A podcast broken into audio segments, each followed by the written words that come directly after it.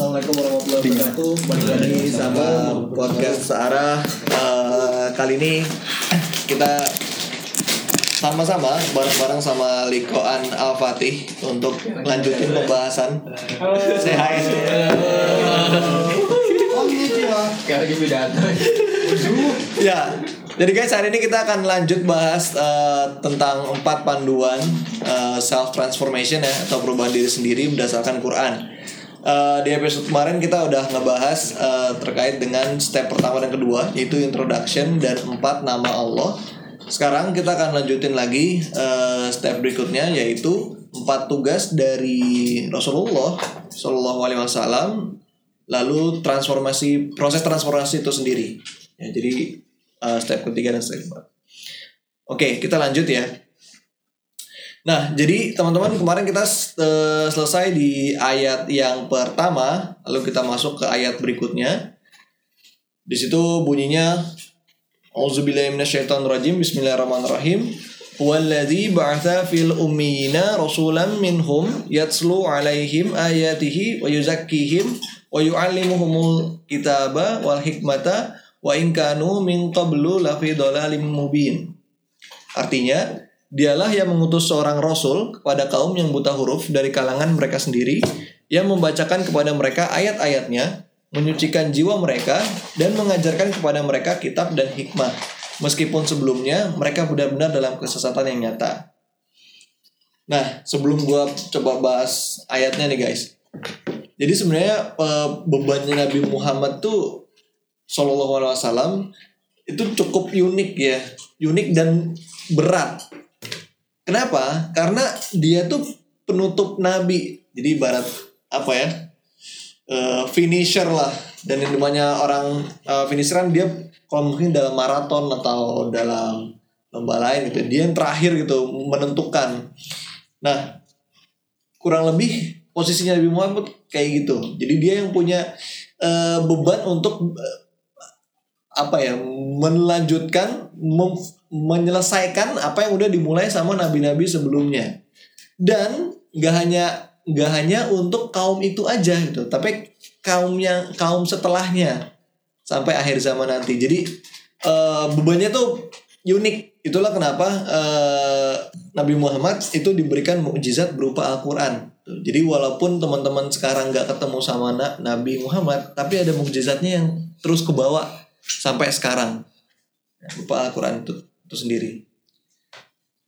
Nah, posisinya Nabi Muhammad itu kan sebenarnya kalau eh, ibaratnya ya datang ke masa jahiliyah di sini nih di ayat eh, yang kedua ini yang mengutus seorang rasul kepada kaum yang buta huruf dari kalangan mereka sendiri. Jadi bayangin kurang lebih analoginya kayak gini. Ada satu desa eh, yang sangat jahiliyah ya. Eh, misalnya dia kayak buta huruf, terus makannya masih makan serangga, let's say, eh, ap- ap- apa masaknya masih pakai gesek batu-batu dulu gitu kan. Nah, terus tiba-tiba eh, somewhere dat datang sekelompok orang yang pakai gadget gitu kan itu kayak Wakanda gitu ya. Terus dia datang bisa apa tahan peluru terus bisa nginjek eh, kaca nggak berdarah gitu kan dan lainnya yang pasti orang-orang di di kampung itu pasti tahu kalau ini jelas bukan dari dekat sini nah ini ini orang luar Nah, sekelompok itu ini mewah banget dan mulai menyampaikan tentang ajarannya. Dia mulai menyampaikan kalau dia mengaku bahwa dia adalah eh, seseorang eh, dari utusan kerajaan gitu kan dan dia adalah pangeran. Jadi intinya eh, dia menawarkan sebuah eh, apa registrasi itu. Mau nggak ikut kerajaan saya? Gitu kan.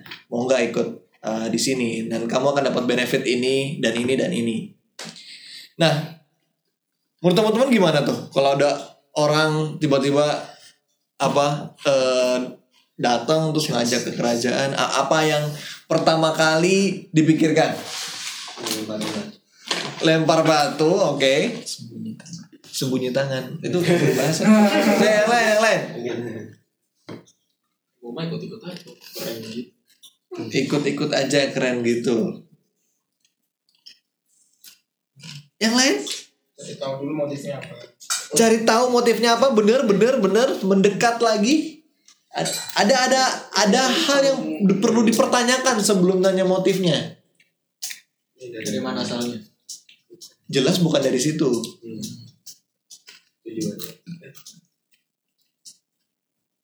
Nah, kalau di sini ya salah satu yang menjadi pertanyaan selain yang tadi yaitu valid juga. Dia kita tahu dari mana bukti bahwa dia beneran anaknya raja. Atau perkataan yang dibilang tadi pedoman-pedoman itu berasal dari kerajaan kayak gitu kan.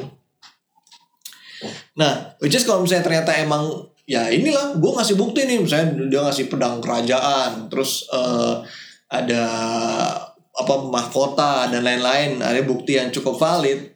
Nah, akhirnya pada saat ada orang-orang yang mau ikut ke kerajaannya ya dia harus terima konsekuensi bahwasanya eh, ada beberapa some set of rules gitu yang harus dilakukan dan ada beberapa hal yang prosedur yang mesti dia lakukan untuk bisa ikut kerajaannya dia. Behave like them lah yang tadinya dia apa eh, kalau ngomong sesuai bahasanya terus eh, ngelakuin hal ini ngelakuin hal itu dan setelah dia mau ikut dengan kingdom ini atau kerajaan ini ya dia perlahan akan adjust kan akan adjust dengan eh, apa perilaku dan ada tata cara eh, kerajaan itu sendiri. Nah kurang lebih kayak gitu. Itu kan nah terus apa sih eh, akhirnya yang dilakukan Rasulullah SAW pada saat eh, pertama kali dikasih wahyu itu kan? Jadi kalau misalnya di surat eh, Al-Jumu'ah ayat 2 itu itu spesifik ada stepnya. Jadi pertama membacakan kepada mereka ayat-ayatnya. That's one step. Kedua menyucikan jiwa mereka. Second Ketiga, mengajarkan kepada mereka kitab. Ya, atau dalam ini eh, di sini Ustadz Noman Ali kan khusus eh, membahas terkait dengan kitab ini maksudnya hukum-hukumnya. Lalu hikmah. Jadi ada yang keempat tuh eh, setelah itu ada hikmah. Gitu kan. Jadi itu empat eh, stepnya. Nah, kita akan coba bahas masing-masing eh, langkah eh, pelan-pelan. Oke, yang pertama membacakan ayat-ayatnya. Ini step transformasinya ya. Step transformasinya mulai dari ayat-ayatnya. Nah, awalnya nih, eh, jadi kalau menurut Ustaz Ali kan, ayat-ayat dari Allah itu, ini gue gue pikir awalnya eh, ini ya. Jadi dia menyampaikan ayat-ayat dari Allah pada masa itu sungguh powerful. Ya, sehingga pada saat ada beberapa orang pas dibicarakan uh, ayat terus uh, khususnya surat al-alaq ya waktu itu yang ayat terakhir uh, menyuruh untuk ber- bersujud gitu ya. Ada beberapa orang karena saking uh, amaze-nya ya dia langsung sujud. Gitu. Karena dia secara secara sadar dia langsung tahu wah ini ini bukan dari ini bukan dari Nabi Muhammad nih kalimat-kalimatnya. Nah, gue pengen teman-teman kita sama-sama lihat deh, buka Al-Quran masing-masing, terus lihat artinya. Gue awalnya kayak ini bener bener gak sih? Eh, ayat berapapun, gue gak tahu sih. Menurut teman-teman, ya tadi itu kalau mungkin gak ya dikeluarkan oleh sesama kita Alif. Alif Lam Mim, terus terkait dengan penciptaan langit dan bumi, terus ada malaikat, Zabur eh, dan beberapa apa ayat-ayat yang lain kayak gitu.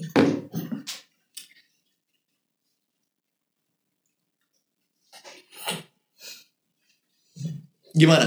Apa sih? Itu mungkin nggak berasal dari manusia. Bang. Kenapa? Aras. Lagi makan. Oh. Arif bang. Arif. Tadi bilang enggak juga soalnya. kasih sunnah dong kasih sunnah kasih tahu yang ayatnya itu dengan Karena ini karena ada pengetahuan yang belum diketahui. Oke, that's one. Ada pengetahuan yang kita belum ketahui yang muncul di situ gitu kan. Kayak eh, terkait dengan apa masa hamil gitu kan terus terkait dengan apa, rotasi bulan revolusi dan lain-lain. Jadi ada eh, ayat-ayat kayak gitu yang waktu di konteksnya di kaum jahiliyah atau eh, Mekah waktu itu itu tuh bener-bener wow banget gitu loh. Eh, ayat-ayat Al-Quran ini. Nah setelah disampaikan itu itu kan berarti emang beberapa ada orang yang menanyakan kan bener nggak nih ini ayat eh, dari Tuhan gitu kan. Bener nggak? Itu. Cuman waktu itu pas didengar yaitu mereka langsung em, karena ayat itu sungguh powerful mereka langsung tahu kalau ini tuh bukan dari bukan dari manusia. Nah, step berikutnya adalah setelah ada beberapa kelompok yang percaya dengan ayat tersebut, maksudnya ada beberapa yang akhirnya eh, komit gitu, mau mau dapat eh, mau berubah dan dan meyakini bahwa ini tuh ajaran yang benar. Lalu berikutnya, nah ini step berikutnya nih, menyucikan jiwa mereka. Ini udah pernah kita bahas di eh, beberapa materi sebelum ini terkait dengan eh, nasihat itu eh, layaknya seperti kita minum air. Nggak? Ya, Apa itu maksudnya? bisa pengulangan. Pengulangan. Kenapa maksudnya minum air? Karena kita akan selalu nasihat itu. Yes, karena kita kan selalu butuh minum air, which is nasihat itu emang penting karena emang eh, mesti selalu diulang-ulang. Dan ternyata guys di sini itu adalah satu step untuk self transformation. Jadi kalau misalnya teman-teman mau merubah diri, salah satu step setelah teman-teman tahu Al-Qur'an adalah mengulangnya. Tuh, dan itu nggak hanya sekedar mengulang, tapi juga sebenarnya proses penyucian jiwa atau penyucian diri. Itulah makanya eh, mantap banget nih kalau misalnya eh, program peningkatan iman kita itu berjalan secara konsisten every single day. Kita sebenarnya tiap hari interaksi dengan Al-Qur'an. Di sini sih mungkin eh, kurang lebih kayak gitu. Jadi ada proses pencucian.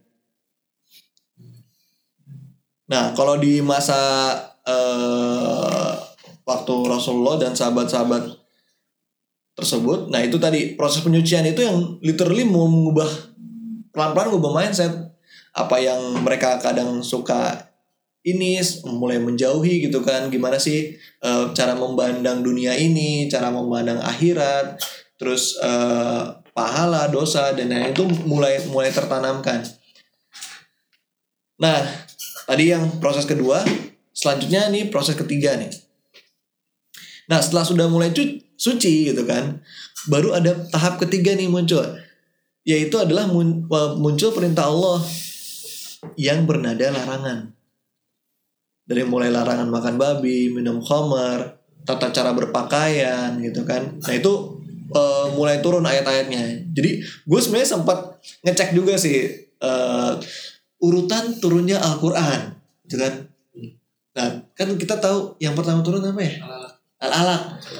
Itu gue nggak dapat sumber yang spesifik sih. Jadi cuma ada sumber yang al-alaq, walaupun cuma 1 sampai 5, cuman dia langsung nyebutin 1 sampai 11. Ya, al-alaq.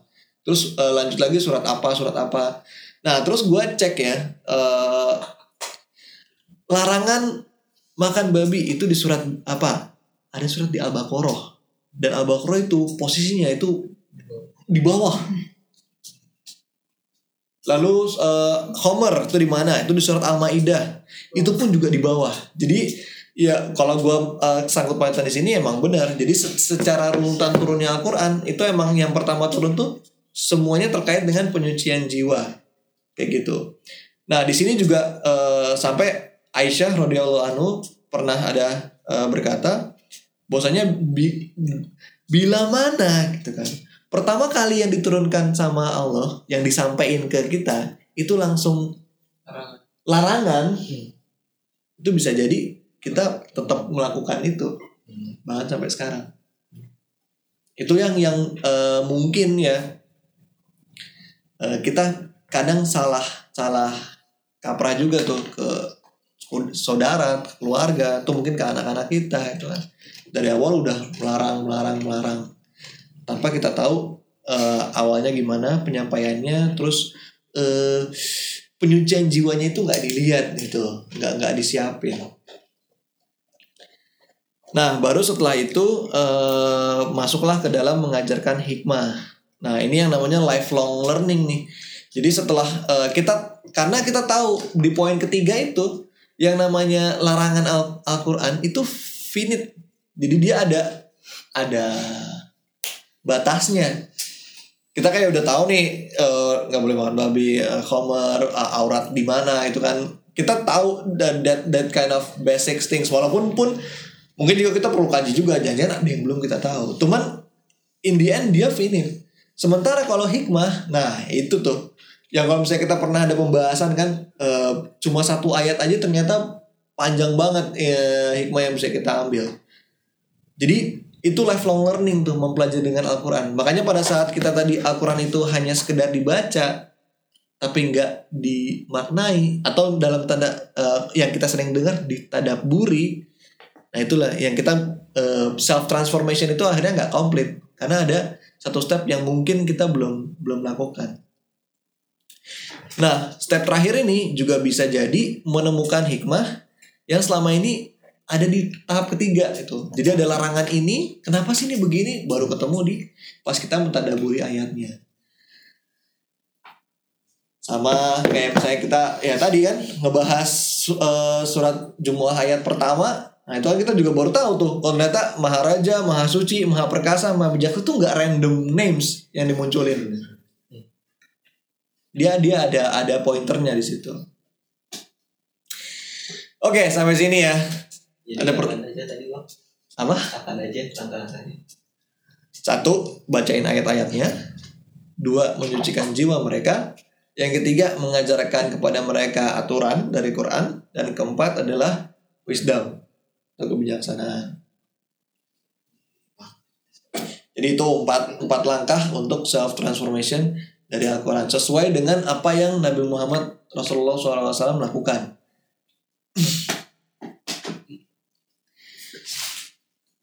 Oke,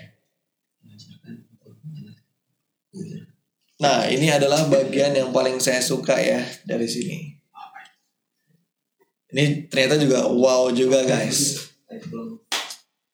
Nah, ternyata nih ternyata empat dari proses tadi atau tahap proses tadi itu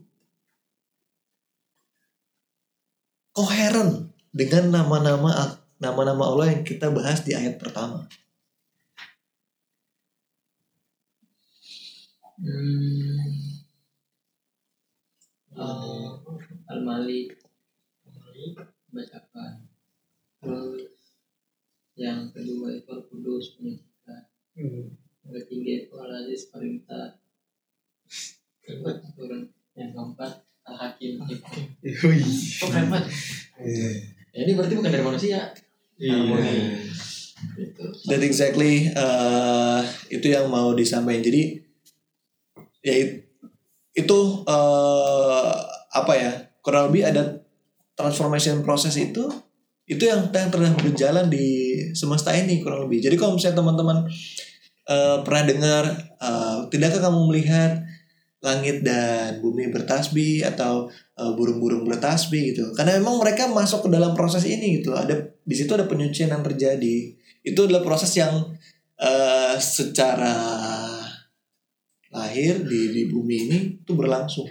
Makanya Allah bertanya kepada kita ini nggak kenapa nggak ikutan gitu loh? Ini emang udah eh, stepnya itu. Kenapa kenapa kita nggak follow? Jadi kurang lebih eh, empat proses tadi itu reflect terkait dengan nama-nama Allah yang ada di bahasan kita yang pertama Nah, itu step ketiga guys. 7 menit masih cepet ya. Kita ada satu step terakhir.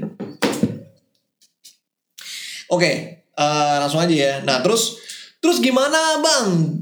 Itu kan zaman zaman past gitu kan, zaman dahulu gitu. Ya gue tau lah orang-orang hebat gitu kan.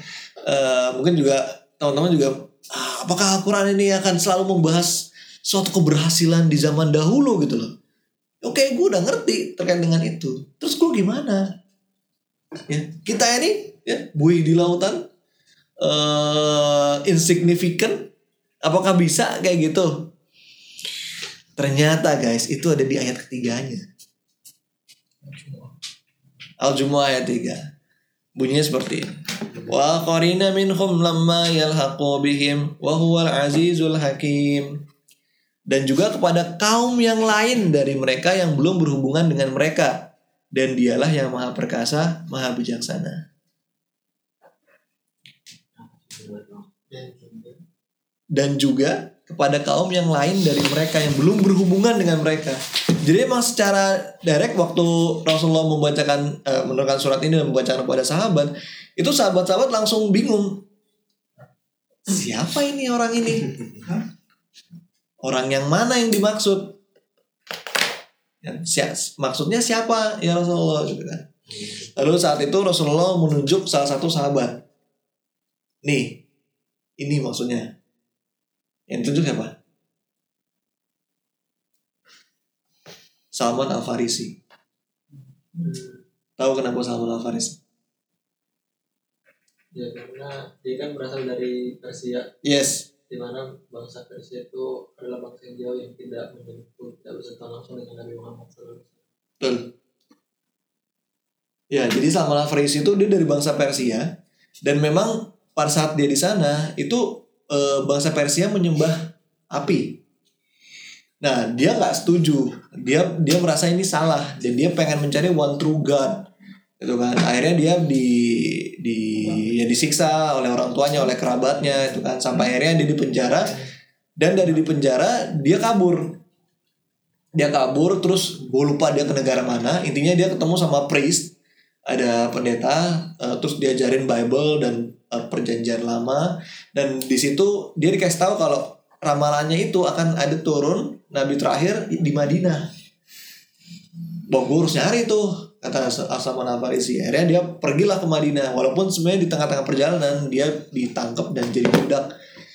Nah tapi Indian dia sampai ke Madinah eh, dan akhirnya dari situ dia ketemu dengan Rasulullah SAW in the end gitu kan. Dia memperkenalkan diri dan dikasih tahu kisahnya kayak gitu.